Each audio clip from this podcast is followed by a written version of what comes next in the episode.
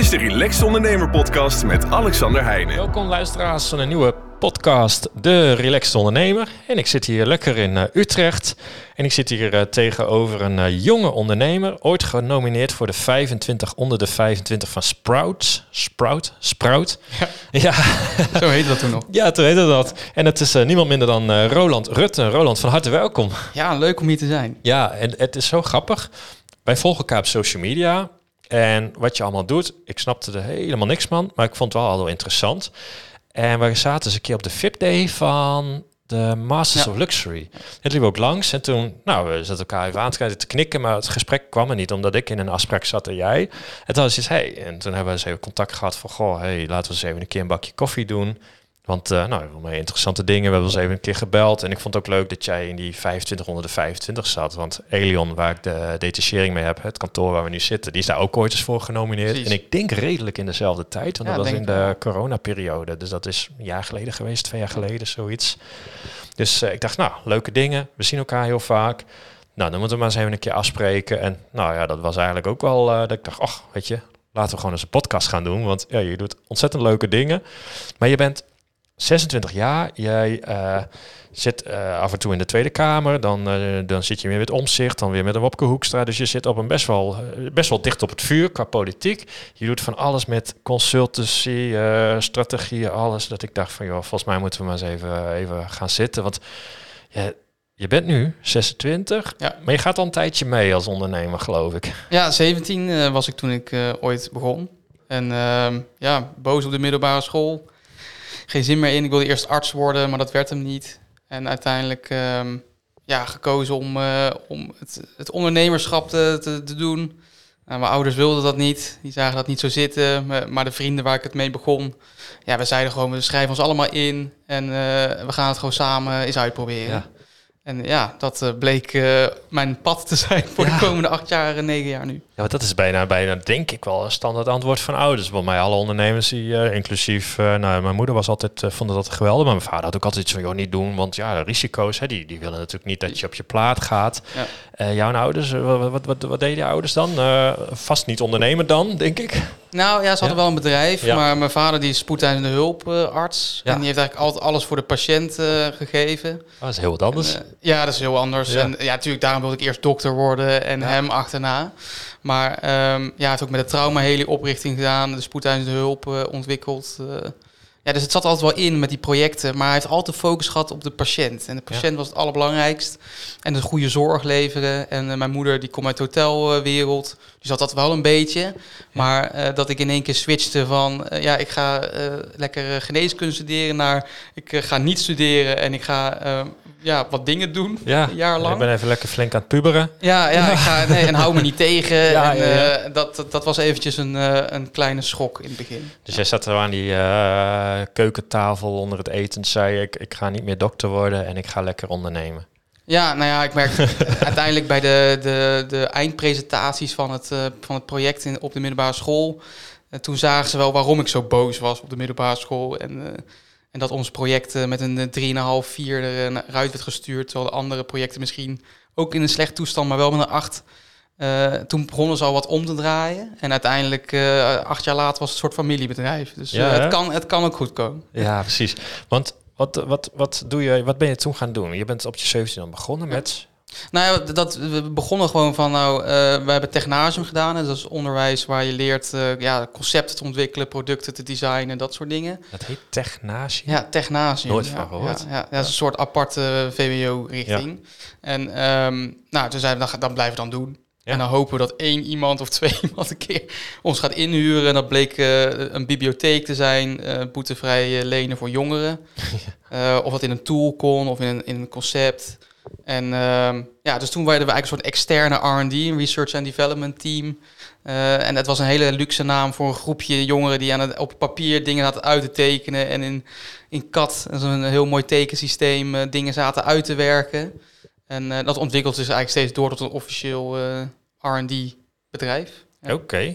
En, en Waarom dat eigenlijk? Je had ook, uh, nou ja, we, we, hebben Stratenmaker in de podcast gehad, uh, Verzint, je had alles kunnen doen, maar jij koos R&D. Ja, ja. ja ik, voel, ik ben wel heel creatief. Ja. En uh, ik wilde ook mijn creativiteit en innovatie vermogen ook weer ergens weer kwijt. Dus, en niemand deed het. Dus wij dachten, oh, als niemand het doet, dan eh, kunnen wij dat wel in deze regio. Ja. En dat was eigenlijk het, eh, het prille, prille begin. En we hebben wel het, in de loop der tijd, hè, we hebben ook nog in de tv-wereld gezeten. Eh, we zijn nog in, de, in het vastgoed geweest. Dus we hebben heel veel uitstapjes gemaakt. Ja. Maar wel altijd dat creatieve... En, en, wat, wat deed je dan bijvoorbeeld in de tv of in de vastgoed? Wat moest je daar dan doen? Ook iets ontwikkelen of zo? Ja, tv eh, deed nog opleiding tot presentator. Oh, Eh, ja? ja, ja, dat, was heel, eh, dat was heel tof. Dat heb ik ook ontdekt. Nou ja, ontdekt. ik, in ieder geval, als iemand een aflevering kan zien, dan wens ik hem heel, dat is heel knap. Ja? Maar, want zo goed bleek ik dus ook helemaal niet. Maar ook programma's maken, dat de achter de schermen meeloopt met produ- producenten. Dus bij de Voice achter schermen kijken. Eh, zelf tv-programma's ontwikkelen, dat soort zaken. Dat, eh, dat zagen we ook wel zitten natuurlijk. Ja. Ja, ja. Maar daar ben je niet in doorgegaan uiteindelijk. Nee, nee. Ik moet zeggen dat we nu begint weer een beetje te prikkelen bij ons. Ja. Maar eh, we- ja, uiteindelijk ontdek je ook wel hoe hard de tv-wereld is. Ja. En, en, op, en op onze jonge leeftijd als 19-jarige dachten we nou dan kiezen we weer het veilige weg Ja, terug. precies. Ja. En, en wat is dat toen geworden? Want je deed dat met een aantal vrienden. Ja. En, maar daar ben je op een gegeven moment weer mee gestopt? Of dat doen jullie nog steeds? ja, op een bepaald moment, eh, ook door corona, brak dat gewoon door midden. Ja. En, eh, en dan ben je eigenlijk geen team meer, maar eh, ben je alleen maar professioneel. En ja, dan is de vriendschap belangrijker. Ja. Toen hebben we gezegd, nou dan, dan stoppen we er gewoon mee. Ja. En dan ben je maar weer naar school gegaan en eh je leefde nog langer gelukkig? Nee. Of toch niet? Nee, ja, dat, die weg komt niet meer terug. Nee. Ik heb nog wel gekeken van, nou, dan is nu, nu het moment. eh, want sommigen gingen wel studeren of sommigen gingen ergens anders toch een opleiding doen. En ik zei, nou, dat, eh, ja, nee, dat trek ik niet. Nee. En eh, ik heb een paar oud-teamleden gesproken van, nou, misschien willen jullie met mij mee. Eh, ik heb een idee om meer met trends en data en dat te combineren met mijn politieke activiteiten en maatschappelijke visie. Ja, En eh, dat werd dus eh, Every Second. every second. Ja. En, dan, en dan, wat doe je dan? Ja, we doen eigenlijk trend research. Dus Trend eh, research. we krijgen heel veel thema's via WhatsApp of via per mail of via een briefingformulier, zoals dat heet. Van nou bijvoorbeeld, ja, alle jongeren trekken uit de, uit de stad. En dat heeft dan deze redenen. Nou, dat, eh, dat- bijvoorbeeld, we zijn geen huizen meer te- om terug te komen. Of we gaan naar de grote stad toe en nou, daar blijven we dan. Ehm, en wij valideren eigenlijk dat, die aannames. En, ehm, en dat combineer ik dan weer met mijn ja, politieke overheids eh, Ja. kennis en strategisch eh, advies. Dus ik moet voorstellen, ik ga gewoon eh, op televisie ben ik en ik roep gewoon van ja, zie je nou wel, eh, alle jongeren gaan de stad uit. Ja. En dat kun je ook zien, hè, want daar lopen ze de stad uit. En dan, dan ga jij onderzoeken op basis van cijfers en of dat ook echt zo is. Ja, En dan kom je tot de conclusie van, nou ja, dat is wel zo, maar om een andere reden. Of dat is juist helemaal niet zo. Precies. En dan heb je die, dat onderzocht. Maar voor wie onderzoek je dat dan? Nou ja, dat verschilt natuurlijk, maar eh, overheid is natuurlijk een makkelijke, omdat wij die taal ook begrijpen. We snappen Ja. ook hoe een college denkt of een opgavenleider, dat soort eh, functies. Dan Ja. hebben we nog de, de investeringsmaatschappijen die vaak hun start-ups ook laten valideren. Dus die pitch decks, daar wordt altijd heel veel ja, verschillende dingen in geroepen. Ja, eh, of dat dan wel waar is. En dan hebben we echt gewoon het bedrijfsleven die dus heel veel data verzamelt, maar dan nog niks mee doet. Ja. En eh, wel heel veel bijvoorbeeld tips krijgt van de medewerkers en dat ook niet terugzien in hun data. En die combineren we eigenlijk tot een soort trend report. en, te- en, en dat is dan jouw bedrijf geworden. Ja, ja, Ja. dat is gewoon onze, ja, de eerste fase van eh, Every Second moet ik erbij. Ja, want, want eh, ik zit me zo te denken en denk, ja, hoe kom je hier in godsnaam op? Ik kan me niet voorstellen dat jij vroeger op de basisschool zat en dan zei de juf, nou, wat wil je laten worden? Nou ja, Ja. jij zei dan arts. Ja. Maar ook al zei dat niet, dan denk ik niet dat je zou zeggen, ik zou een soort eh, trend eh, onderzoeker worden en daar consultancy aan koppelen. Nee, nou ja, kijk, ik moet zeggen, dat ik kreeg in mijn zeventiende kreeg ik een, eh, een hersenvliesontsteking in de, in de jungle van Maleisië. En ik- daarvoor was ik heel stil en nam ik geen risico's. Ja. En ja, het ging allemaal wel goed op school. En, en daarna verander ik, eigenlijk gewoon. Dus ook veel basisschoolvrienden die snappen niet wat er met mij gebeurd is. Van stil naar veel praten en assertief en risiconemend. Dat, eh, dat is toch een vergroot verschil eh, voor de meesten. ja. Ja, want hoe is dat dan gekomen? Door die ziekte? Ja, nou, dacht van, ja, hey, nou daar ja. is iets gebeurd wa- wat me heeft getriggerd. Of eh, de hersenen zijn anders gaan werken. Dat, dus daarna ging ik wel bijvoorbeeld bij de debatclub. En wilde ik wel in de voorgrond. En ja, ging ik wel wat, wat meer richting de leraar om de discussie aan te gaan. Dat deed ik helemaal niet. Nee. Daarvoor, dat vond ik helemaal niet belangrijk. En welke van de twee bevalt je beter? Achtergrond, voorgrond? Voorgrond. Voorgrond. Ja. Ja. kijk, voorgrond in de zin dat je ja, als ondernemer eh, eh, altijd voor jezelf moet opkomen. Ja. En dat kan je dan niet op de achtergrond doen. Dus. Nee, precies. Nee. En, en op een gegeven moment ben je de, ook, ook wat politiek, want je noemt Ja. jezelf politiek strateeg. Nou, dan denk ik, ja, eh, joh, je bent hartstikke jong. Ja. Dus Ja, wie ga, ja, wie ga je dat nou wijsmaken? Ja. Ja. we hebben natuurlijk een heel voorgesprek gehad, maar ja, dan vertel je, eh, ik zit ook in de Tweede Kamer en oh, nou, dan praat ik weer met Omzicht of dan praat ik weer met een Wopke Hoekstra die nu natuurlijk weg is. En, dus je noemt wat namen, dat soort dingen. Maar hoe, hoe ontstaat zoiets? Want ja, Nou ja, we, we waren toen we heel jong waren heel assertief. Dus we zeiden ook van, je moet ook lid zijn van een partij. En dan moet je ook actief in gaan eh, meedoen. ja, En eh, ja, was voor mij werd dat het CDA. Eh, eerst was het even wennen en dacht ik, ja, wat moet ik hier Ja, nou ja. bij zo'n partij? En uiteindelijk ben je natuurlijk heel fanatiek lid. Het tweede is dat ik wel ja, ook meteen het netwerk ging uitzoeken van hoe zit het nou? En nou, kom je een keer bij een andere afdeling in een grotere stad en die zegt, hé, hey, je moet een keer eh, met die praten. En daar was ik altijd heel bovenop. Oh, jij appt dit aan mij, dan app ik die persoon morgen. Ja. En dan gaan we daar eh, mee zitten. En, ehm, en uiteindelijk kreeg ik een keer kans in de Provinciale Statenverkiezingen. Toen ehm, was het tijd voor ehm, de verkiezingen. En dat, ja, dat, dat was toch een beetje stroef. Zocht een, een, iemand die dat wilde oppakken, die ook als campagnestratege wilde dienen. En ik zei meteen, oh, dat doe ik. Ja joh. Daar ben ik. En eh Europese verkiezing was een paar maanden later. Toen zei ik ook, oh ja, die doe ik ook. Oké. En, eh, en, en dan is het ook zo, eh, nou, dan misschien moet je een keer bij een Kamerlid komen kijken. Zei ik, oh, nou, dat wil ik ook. Nou, Je ik een Kamerlid. Ja. En dan zei ik, ja, maar wat jij daar doet, dat, dat staat me niet aan. En als iemand dan zegt, nou, wat moet ik dan doen? Bewijs het maar eens. Ja, ja, dat trekt mij dan ook om echt als bewijsdrang te tonen. En ja, dan kom je steeds meer in bepaalde netwerken terecht. En, eh, en ik heb altijd geleerd wel vanuit huis. eh, grenzen bestaan niet. Dus waar ik ook heen moest, dat maakte me niet uit. Oh, Den Helder, prima. Weet je, daar Ja. ga ik heen. België, super. Frankrijk, top. ja. En dat is wel, eh, wel mooi. Ja. Ja, en dan, nou, en dan CDA, nou dan zit je nu denk ik niet meer in de allermooiste hoek, want dat is ook een beetje, Ja. ja. nou ja, ik zei het ook al, ik ken een aantal CDA's op, op regionaal niveau die ik Ja. ontzettend goed vind, dus zonder er nu een politieke podcast van te maken, maar landelijk, ja, heb ik daar een andere mening Ja. over, dus daarom vind ik het wel grappig dat jij zegt, oh, ik zit bij CDA, zo en zo. Ik denk, oh, nou dan maak ik hem al meteen breed, want ik weet dat een aantal luisteraars weer bij de VVD zitten en eh, ja, we hebben Dat natuurlijk ook een aantal eraan, eh, boeren gehad en dat vind ik dan altijd mooi. Ik denk, ja, weet je, we moeten die gesprek met elkaar aangaan, dus ik heb net al even al mijn eh, shit bij jou over de schutting gegooid van doe er wat mee. en ik vond ook trouwens leuk hoe je erop reageerde. Dus dat zie je wel. Dat moet ik je meteen eh, meegeven. Dus, ehm, maar de- dan, dan, jij zit daar dus zo lekker dichtbij op het vuur. En nou, politiek strateeg. En dan wil ik misschien een klein bruggetje maken naar het jong ondernemerschap. Want Ja. je bent hartstikke jong. Dus hè, ik heb ooit in de ondernemerschap podcast had ik Jort. En Jort was de Hofnar. Was ook een hartstikke Ja, jonge ja. gast. Hele leuke gast ook trouwens. En die kon ook gewoon dingen zeggen. En ja, dat werd aangenomen. En, en, en hetzelfde zit ik dan... Ja, ik denk dat jij datzelfde hebt. Als jij tegen een Kamerlid gaat zeggen... nou, ik zou het toch even anders doen... en die luistert naar je. Ja, dat vind ik dan knap. Maar, maar dan staan ze daar wel voor open. Of mensen staan er voor open. Wa- wa- Want jong ondernemerschap... Ja, het kan altijd, zeg ik, twee kanten op. De ene is gewoon... mensen gunnen je het. Zeker. Dus daardoor Ja. kun je ergens komen. Of ze denken van, nou, dat is een jonkie, daar doen we niks mee. En, en ik denk Oh, dat ik heb ze allebei Je kan het zeggen, ik denk dat je ze ook allebei hebt ervaren. Maar leg eens uit hoe jij dat eh Nou ja, de, eerste jaren eh, ben ik dus tegen iedereen zijn schenen aan gaan, eh, gaan trappen.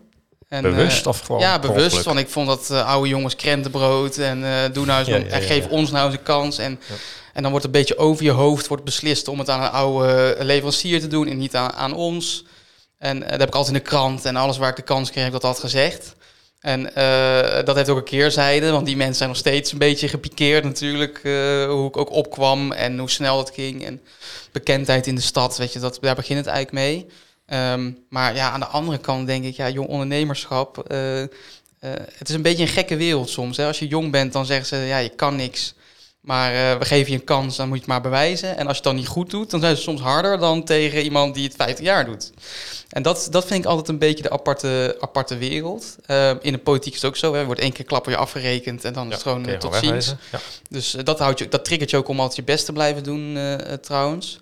Maar ik merk ook wel natuurlijk, om, als ik naar een, een miljonair liep... denk ik, ja, ik wil ook wel een keer met een miljonair eh, praten en vragen... hoe heb je dat nou gedaan? Ja, dat scheelt natuurlijk dat je nog wat, eh, wat jong en wat, wat kleur op de wangen hebt, Ja. zeg maar. Ja. Ja, dat eh, sluit ik me wel bij aan. Want ik geef ook vaak wel lezingen, maar ook op bijvoorbeeld wel op hogescholen. En dan, dan zeg ik dat ook altijd voor joh, weet je, op het moment dat jij een, een, voorbeeld hebt, stuur maar gewoon een berichtje.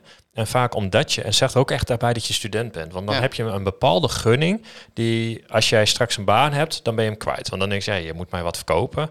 Maar nu, ja, je, ze hebben geen angst voor jou. Ja, hebben ze überhaupt niet natuurlijk. Maar gewoon, ik zeg, dan, dan zul je zien dat veel meer mensen geneigd zijn om je te helpen. En vooral ook als je dan ook echt vraagt, van, joh, kun je mij eens helpen? Of dit is mijn idee. Ja. En dat zie je met Helion in het beginjaren ook, waar die allemaal op de koffie kwam. Joh, dat was echt niet normaal. Niet normaal maar als ik het zou vragen, zegt ze nee. Weet je, Dat, dat, ja, dat zo, werkt het toch. en in het beginjaren, ik weet het ook van mijn onderneming, toen met de Formule 1 reis, ik belde ook al die tijdschriften, alles op en zei, jullie moeten even een stukje over me plaatsen. Nou, dan kwamen ze met budgetten aan. Ik zeg, joh, ik heb een studiebeurs van 70 euro. Dus hoe denk je dat ik dit moet betalen?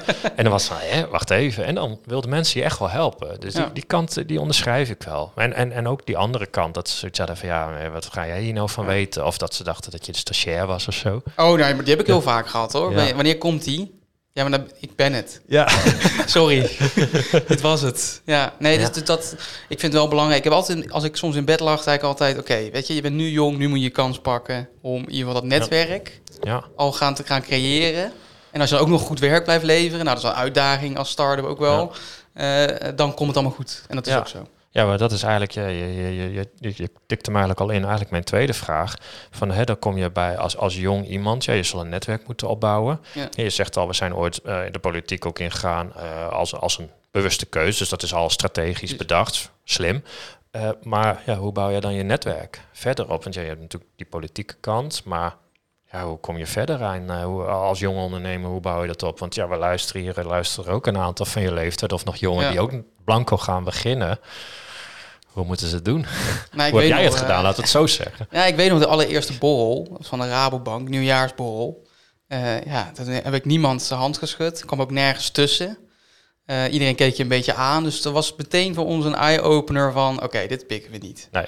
We moeten dus strategisch besluiten... als je een groepje van zes ziet... moet je gewoon één van die zes kennen. Ja. Want dan kan je die aantikken en dan kom je er wel. Uh, dus we hebben dat jaar gewoon iedereen in uh, de regio bericht van... joh, ik ben jong ondernemer, ik wil graag weten wat jij doet. heb je er zin in?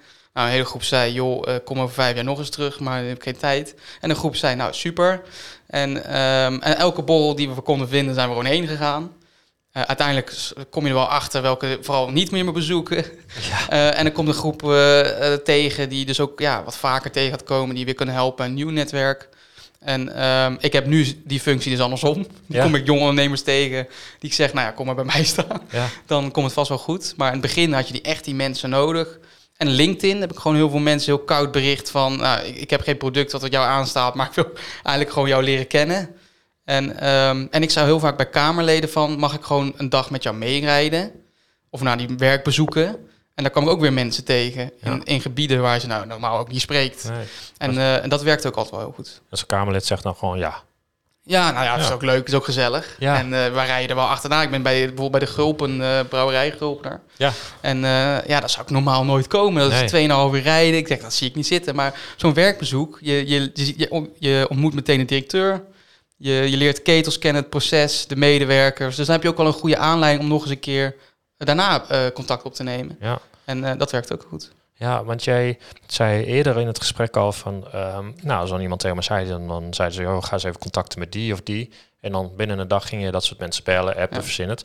Maar had jij dan niet zo van, ja, shit, hey, kom ik aan, wat heb ik zo iemand te bieden?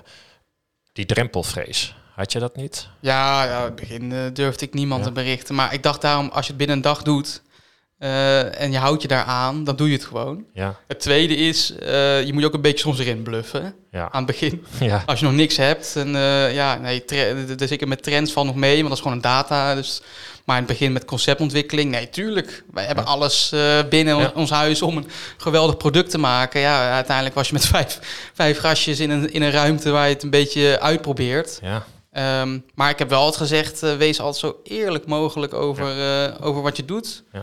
En uiteindelijk zullen heel veel mensen ook zeggen, nou, nou laten we het eens een keer uitproberen. Ja, nou, daar sluit me wel bij aan. Ik denk als je gewoon altijd eerlijk, netjes bent, dan, dan, dan komt het altijd... Uh, en dan gaan altijd dingen mis, hè? Ja. En dan is ook de reactie natuurlijk de vraag hoe je zo'n opdrachtgever reageert. Ja. Kijk, ik zeg altijd als een opdrachtgever daarna uit zijn pan vliegt, nou, dan is de opdrachtgever ook geen opdrachtgever meer voor mij. Nee. Dat heeft geen zin. Nee, nee ik, ik vind het wel uh, interessant. daarom vraag ook. Want ik heb in het begin ook wel eens dan, uh, maar ook onlangs nog, dan, dan was ik ergens en dan iemand, uh, nou, wel gezellig. En die zegt, joh, dat is mijn nummer. Kom eens een keer langs. Maar ja, gewoon miljardenbedrijven, weet je. En dan denk je, oké. En dan zoek ik zo iemand op en denk oh, nou, dit is toch best wel een mannetje. En dan denk ik al van, oh, nou ja, laat me zitten, weet je. Want ja, wat, wat heb ik te bieden? Even heel oneerbiedig, hè. En dan zat ik wel meer, joh, gewoon bellen. En dan belde ik hem en dan was op een gegeven moment, ik zei, maar wat, wat, wat moet je van me? Ja. Je? Hij zei, ja, niks. Hij zei, wat gewoon gezellig. Hij zei, en, en, en, omdat jij niks van mij moet, kom gewoon even een keer langs. En dan werd het ook super gezellig. Maar dan had ik altijd nog zoiets, ja, wat heb ik jou te bieden? Dus laat ik het maar niet doen. Weet je, terwijl jij zei, nee, ik geef mezelf 24 uur. Dus het is eigenlijk gewoon een afspraak met jezelf. Joh, ik ga dat doen, want anders doe ik het niet meer. Nee, dan, dan denk je in één keer drie weken later van, denken, oh. Ja. En dan is ook het moment voor, voorbij. Ja, precies. Ja. Nou, dat vind ik al, al dat al vind ik wel interessant hoe je dat dan doet. Dus, uh, en dan, uh, dan gaan we hem gewoon eens uh, klein beetje vooruitspelen. Want we zijn nu gewoon hier. Je zaak staat. Het, het, het gaat. Um, de every second wordt een every second groep. Ja. Nou ja, als ik dan zie waar je allemaal beweegt, dan denk ik, nou, vind ik wel knap. En dan ja, denk ik, gaan we eens even vooruitspoelen. Maar misschien nog voordat ik dat doe, nog even een klein stukje terug. Je bent dan jong. Heb jij mensen om je heen die jou helpen, coachen, bij de hand nemen? Ja, vanaf het begin heb ik altijd wel gezegd, ik kies uh, de, de, experts uit die er echt verstand van hebben om mij ja. daarin te leiden. Dus um, bij het begin bijvoorbeeld ook, ja, in de tv-wereld had ik mensen uitgekozen, in het uh, bankwezen, de bankiers, uh, bij de investeerders, de family offices. Uh, ja, daar was ik gewoon heel erg geïnteresseerd. Dus ik heb altijd wel iemand kunnen vinden om mij daarin te begeleiden. Politiek heb ik er ook een paar. Ja. Die uh, heel kritisch ook zijn naar wat ik soms uh, uitspook. En of het dan wel netjes is of niet. Of, of wel tactisch. Maar hoe moet dat is wel belangrijk. hoe moet je me voorstellen? Want je zegt, ik wil bijvoorbeeld in de bankierswereld iemand ja. kennen. Maar dan ga je dan naar, ik, ik noem maar wat, de plaatselijke SNS-bank. En dan zeg je tegen de, wie de bankdirecteur, mag ik eens met je zitten? Of hoe, hoe? Nee, nee, nee. Uiteindelijk, je komt een keer bij een borrel wat mensen tegen.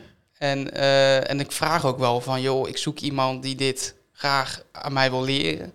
En uh, ik moet wel zeggen, nu ik wat meer naam heb uh, in het netwerk, krijg ik ook weer hogere positie aan ja. mentoren. Dus dat, ja. dat scheelt natuurlijk een hoop. Ja. En ik heb ook het voordeel, ja, we willen naar Zwitserland toe. En ja, nou ja, ik ken Zwitserland een mooi land hoor, maar verder niet. En, um, en we willen daar heel veel. En dan heb je toch iemand nodig die er echt goed in zit die snapt hoe geld werkt, had heel veel geld nodig. Uh, het was een grote investering.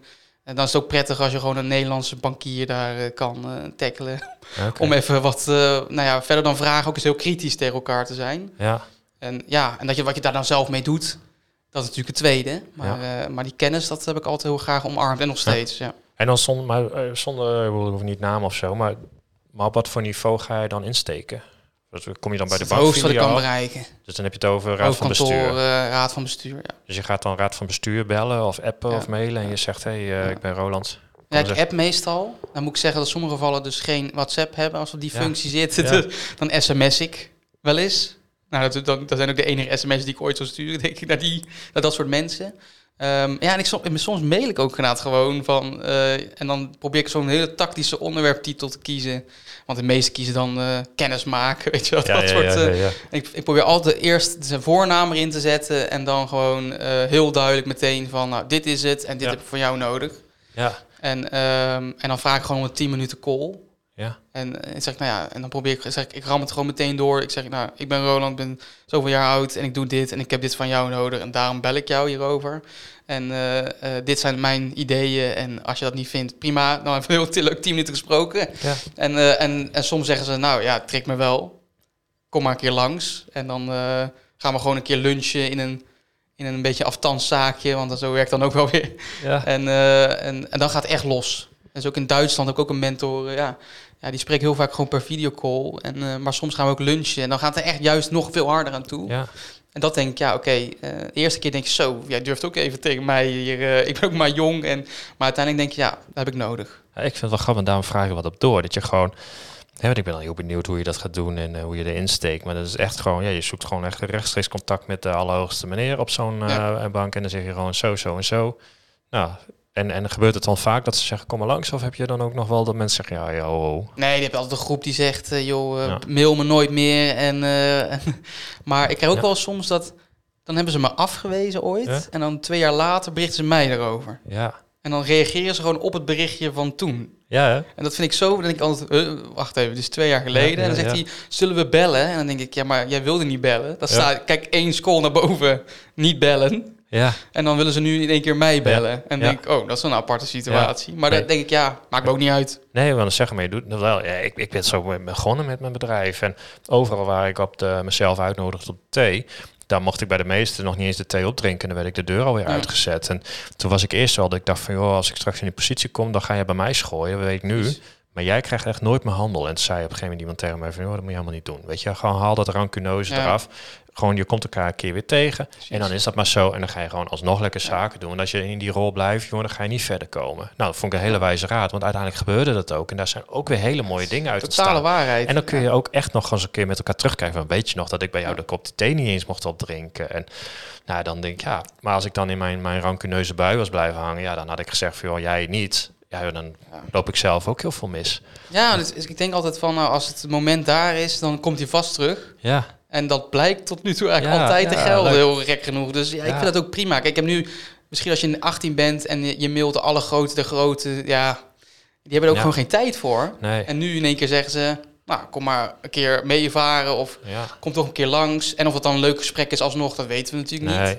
Maar eh, ik zeg wel altijd, eh, joh, fijn dat we nu gewoon elkaar gesproken hebben. En, eh, en dan zie je ook heel veel raakvlakken. Omdat Ja. ja. mijn netwerk, mag ik nu wel zeggen, is vrij groot. Dus Ja. ik ken wel vaak mensen die weer in zijn Nou ja, haar netwerk Natuurlijk, want als je op je 17e begint, je bent nu eh, 26, dan ben je ook al bijna 10 jaar bezig. Ja, ja, Ja, dat vergeten ik we dan, maar ja, Ik begin dan- al eh, Ja. een veteraan te worden. Ja, ja, Ja. die op, in dat opzicht natuurlijk wel. Ja, als jij op je 25e begint, je bent 26, ja, dan eh, ben je net zo oud, maar heb je nog maar een jaar in je zak zitten. Dus eh, hier, Ja, wat, ja, eh, hier ja, wat meer. Ja. Nou, hartstikke leuk. Ik vind het ook wel leuk dat je ook die voorbeelden erbij noemt. Want wij zien heel vaak mensen die lopen daar toch tegenaan. En dat, dat is ook logisch. En dan, nou ja, ze dan te horen van, hey, zie je zo... Nou ja, zo moeilijk is het niet. Maar gewoon, het kan gewoon simpel door te doen. En dat is Ja, eigenlijk blijf wat je gewoon door, oprecht. Maak er geen rare Ja, mails precies. van. Houd lekker kort. Ja, Dat soort dingen. En, eh, en ja, eh, ga gewoon in de auto naar die borrels toe. ja, Zelfs al is het ver weg. ja. En, Eh, eh, ik sluit me nou, er helemaal bij aan. Ja. En dan eh, gaan we hem toch even vooruitspoelen. Eh, gaan we een jaar of twee, drie verder. Heb je ambities? Of zeg je, ik ga gewoon lekker zo door? Of ehm, ja, ga je Ja, uiteindelijk eh, zelf voor de president? Of, Ja, nou ja, dat zou mooi zijn. Ja. Ja. ik, ik heb wel natuurlijk ambities. En nou, dat is één politiek gezien. Of ik echt een functie in het openbare politiek, nou, dat, dat denk ik niet. Maar ik vind achter schermen heel leuk. Ja. Ehm, het tweede is wel dat, ja, na, als je 17 bent, en dan krijg je een beetje een midlife crisis. Hè? Als je gaat stoppen, dat, dat jaren geleden. Eh, eh, toen heb ik wel echt in de spiegel gekeken van, nou, wil ik, hoe lang wil ik dit dan doen? En eh, ga ik dan toch een keer ergens voor een baas werken? Dat soort vragen die toen iedereen je 17 stelt. was. Nee, toen ik eh 25 was vorig jaar. Dus, Ah, dus zo ik al met zeggen. 2R. eh, Op, op je 17 Ja. dan denk je alleen Ja. maar van... Ja, joh, toen ook, want toen wist ik ook niet wat ik moest eh, doen, Waar is eh, het goedkoopst? ja. Ja. En eh, nou, dat was eh, toen de allerbeste optie. Ja. Daar, daar ging ook al het geld naartoe wat er binnenkwam. Maar Ja. eh, nee, toen ik 25 was, dacht ik van ja, wat moet ik dan nu? Ja. En every second, dat is ook een beetje een reminder naar onszelf altijd van elke seconde moet tellen. Ja. Ehm, dus ik hoop over een paar jaar met de groep, dus een paar labels voor internationalisering, investering, dat natuurlijk een groot merk wordt. Eh dus een beetje een bewijsdrang voor mezelf van, oké, nu sta je er deels alleen voor. Of je moet nu alle fouten die je hebt gemaakt eh, in de afgelopen jaren, die hoef je nu niet te maken.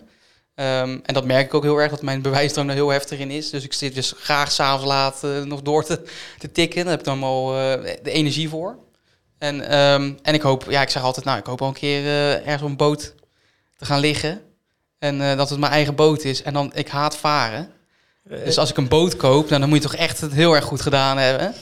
Eh, En dat is dan wel het moment dat ik denk, nou, dan is- moet, wel, eh, moet het wel goed komen. Maar dat is meer omdat ondernemerschap vaak aan geld wordt gelinkt. Ja. Maar eh, maatschappelijke impact is ook eh, eh, in de gemeentes. En daar kunnen roepen van, nou, we hebben echt een paar, paar harde termen en thema's aangepakt. Dat hoeft niet allemaal in de politiek. Dat Nee. moet ook als ondernemer kunnen. Dat wil ik heel, heel graag. Eh, iets, iets eh, maatschappelijks en uiteindelijk lekker relaxed ondernemer worden, zeg maar. Ja, ik was absoluut relaxed. onder- Ik heb zeggen, het niet- moet dat je- wel. Dat zegt van dat bootje. Ja. Ik, had, eh, ik had ook ooit een boot. En eh, het enige wat ik daarmee deed, want ik had dus ook helemaal niks met varen. Dus dat is ook heel raar. Ja. Dus ik had dus ook een motorbootje. En het enige wat ik deed was gewoon naar het eerste, de beste eilandje varen. En dan legde ik hem aan en had ik rust. Dan had ik helemaal niemand om me heen. Ja. En dan had ik laptopje en dan was ik daar aan het werken of aan het lezen. En vrienden van mij wilden altijd varen. Nou, varen en het weg. Weet Ja. je, ik zit wel lekker achter op het bankje. Maar voor mij hoeft het niet. Ik wilde gewoon lekker naar, naar, naar, naar dat eilandje varen. En dan zat ik echt voor mijn, voor mijn gevoel. En zo hoor ik dat ook van anderen, zit je gewoon ineens in een compleet andere wereld. Ja. Dus uh, ja, ik, ik, ik, daar sluit ik me wel bij aan. Dus uh, nou ja, misschien uh, moeten we het bootje maar eens even ergens scoren. ja, precies. Nou, we gaan hem lekker afronden. We zijn alweer bij een half uurtje bezig. Dus Roland, ik wil je ontzettend bedanken voor je verhaal. Leuk dat je hier komt. We gaan zo even, ja, we zitten hier rond lunchtijd, dus we gaan nog even een broodje scoren ergens. En dan ehm, alle luisteraars uh, ook ontzettend uh, bedankt voor het luisteren. Uh, volgende week vrijdag zijn we er weer. En als je denkt, goh, nou, wat nog meer? We hebben echt een paar superleuke podcasts al opgenomen. Dus luister die vooral even terug. En als je denkt van, goh, hey, dat hele ondernemerschap lijkt me wel leuk, maar vind ik allemaal lastig. we hebben gewoon een gratis masterclass te downloaden op derelaxedondernemer.nl. Maar ook hele e-learning, strategiedagen. Dus er is genoeg aanbod. Dus als je denkt, hey, dat lijkt me hartstikke tof, neem dan vooral even een, of een kijkje op de relaxedondernemer.nl. En Roland, nog even tot slot, waar kunnen ze jou vinden? LinkedIn, Instagram. Instagram. Ik zal wel even een linkje eronder zetten. Dus uh, nou, jij bent hartstikke vindbaar, dus dat gaat helemaal goed komen. Luisteraars, nogmaals dank voor het luisteren.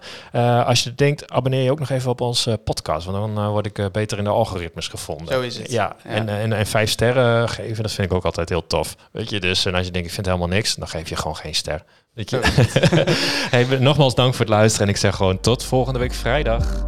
Dit was de Relaxed Ondernemer podcast met Alexander Heijnen. Bedankt voor het luisteren en tot de volgende keer.